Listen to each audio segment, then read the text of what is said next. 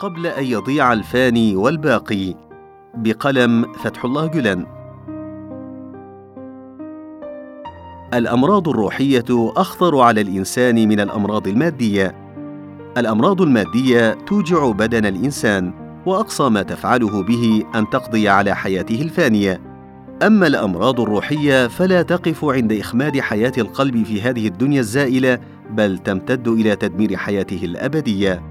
فالأمر جد خطير يتطلب تبصرا بالفيروس في بدايته وعدم إتاحة الفرصة لتعاظمه. ألا يتخذ الناس تدابير وقائيه للتحصن من فيروسات نزلة البرد في الشتاء؟